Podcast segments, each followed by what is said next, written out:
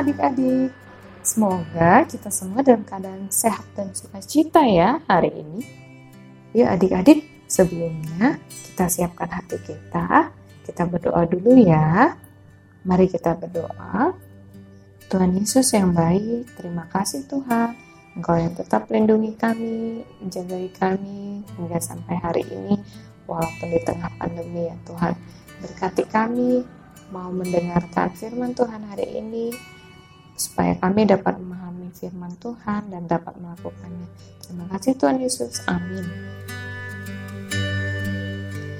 Oke adik-adik, kisah Alkitab hari ini diambil dari ayat Alkitab Matius 8 ayat 23 sampai 27. Lalu Yesus naik ke dalam perahu dan murid-muridnya pun mengikutinya.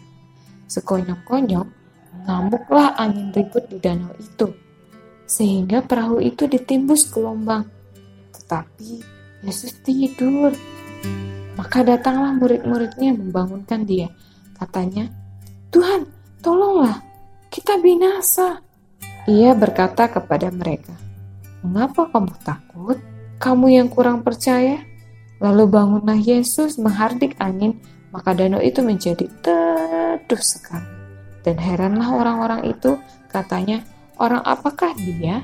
Sehingga angin dan danau pun taat kepadanya. Adik-adik tahu nggak bahwa angin ribut atau angin topan bisa juga terjadi di tengah-tengah danau. Wah, tentu saja hal itu dapat terjadi. Kalau di bacaan kita hari ini, di Matius 8 ayat 23 sampai 27, itu kan tertulis bahwa Tuhan Yesus dan murid-muridnya juga dilanda oleh angin ribut itu di tengah-tengah danau.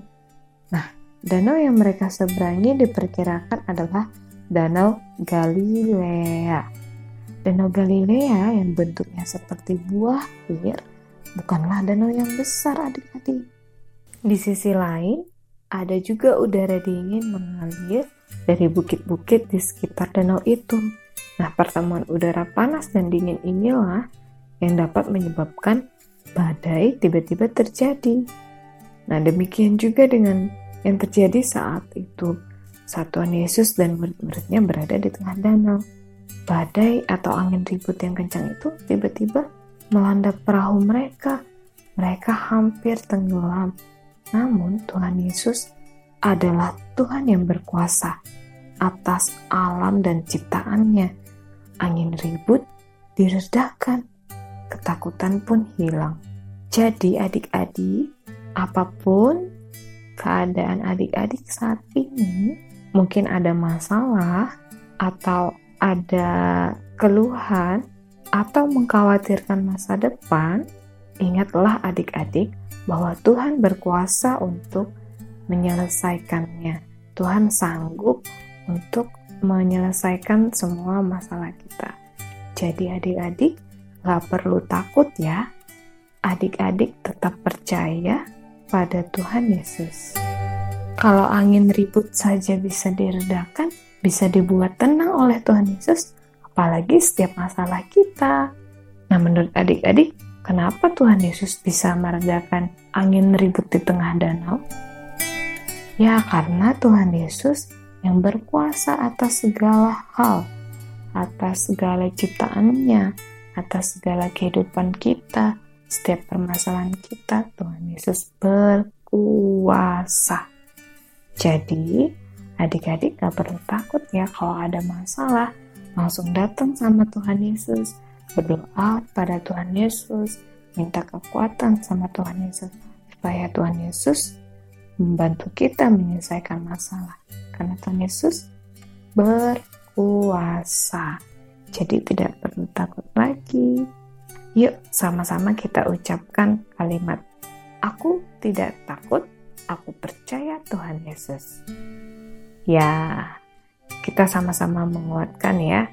Kita ucapkan lagi kalimat ini sama-sama. Satu, dua, tiga. Aku tidak takut, aku percaya Tuhan Yesus. Oke adik-adik, Demikian renungan kita hari ini dengan firman Tuhan hari ini. Semoga kita semakin berani dan tidak takut lagi menghadapi masalah-masalah karena kita bersama Tuhan Yesus. Mari kita berdoa. Tuhan Yesus yang baik, angin ribut yang sangat besar dapat Tuhan redakan.